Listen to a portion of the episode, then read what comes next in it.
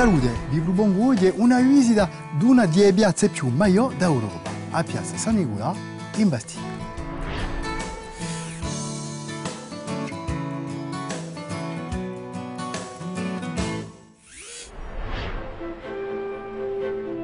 Per un visitatore che si spassegia per Sigarudi o Astiacci, a Piazza San Nicolò risorge come un balcone non un mare, che si apre davanti all'isola d'Elba e coste toscane. A piazza situata tra Casa Roncaiolo e a attuale è forse il luogo più conosciuto di Ostia. Si dice che la franca in superficie a Trafalgar Square in Londra e anche a San Pietro di Roma. La piazza si stende a 280 metri di lungo e 90 metri di largo. Ma mintuemo un poco a storia di suo spazio. L'idea di una spianata che prolunga l'anziano palazzo del governo francese, attuale IRA e il liceo Nicoli, spunta nella seconda metà del XVIII secolo. Dall'anno 1830 in qua, la municipalità vuole compiere la piazza autorizzando di lampaccio sbreo prodotto dalle costruzioni della città bassa. Un architetto Andrea Siscu alza la muraglia che sostiene la piazza. A XX secolo, San Nicolà si ingranda la coperta di a voce di Uvongo. Il paesaggio si compie nel 1907, quando li boneno 50 palmi, di già Bellaiti. La statua di Napoleone è un monumento assegnalato nella piazza.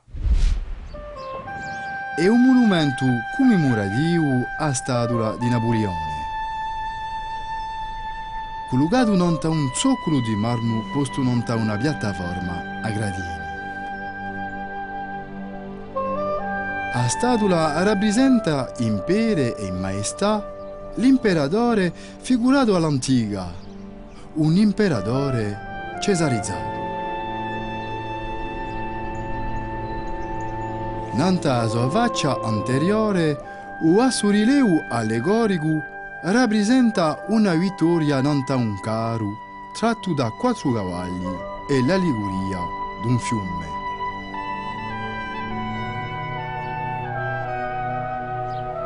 Sa statua la compra a Municipalità di Ostia all'eredi di un scultore Lorenzo Bartolini per un prezzo di 40.000 franchi accolti in parte con una sottoscrizione.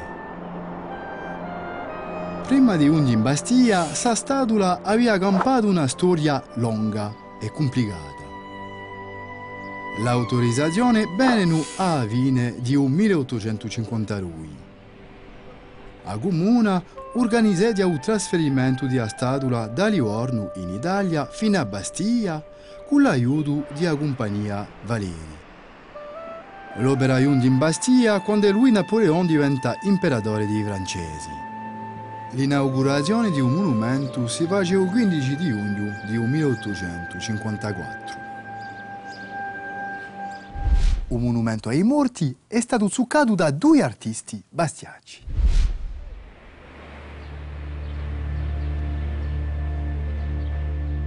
Un monumento ai morti rappresenta la famosa vedova di Reno, che dà uso violo a Pasquale Bauli per la difesa di Abadria. L'artista astiaciu, patriarca, ha voluto mostrare che l'amore di Abadria, quale che la sia, sopranedia l'amore di Avamia.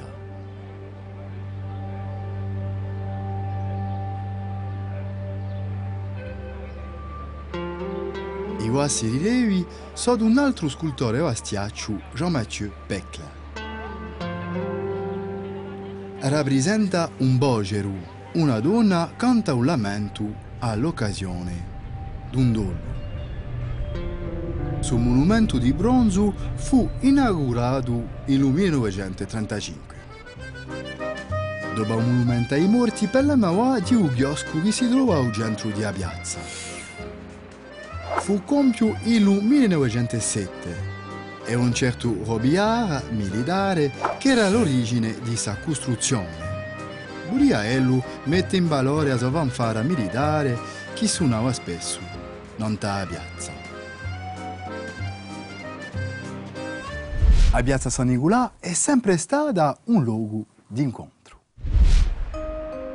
Di regola, la costruzione di piazze nasce da volontà dell'autorità di creare un luogo centrale, un spazio di incontro per le gente di città.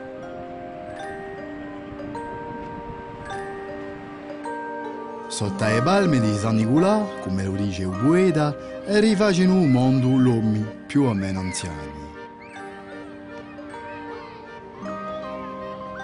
Mentre che li giocano i zidelli, i più stanchi si leccano una cicolata una limonata per si caffè. Cioè di Dinocchi, un pochi di si caffè sono diventati anch'elli veri monumenti patrimoniali. A piazza San Nicola di Ostia è una specie d'agora moderna, un modello di vita all'uso di un Mediterraneo. A piazza è sempre stato un luogo di incontri. Faceva anche da terreno di allò non sa guerra di 14. Finalmente si può dire che a piazza face da monumento patrimoniale, un monumento particolare che cambia sempre d'aspetto. Rammentemoci. A piazza San Nicolà, costruita nel XIX secolo, è una delle piazze più maggiori d'Europa. È sempre stata un luogo di incontro. La statua di Napoleone è un monumento ai morti, sono due opere maestre di Piazza San Nicolà. A presto.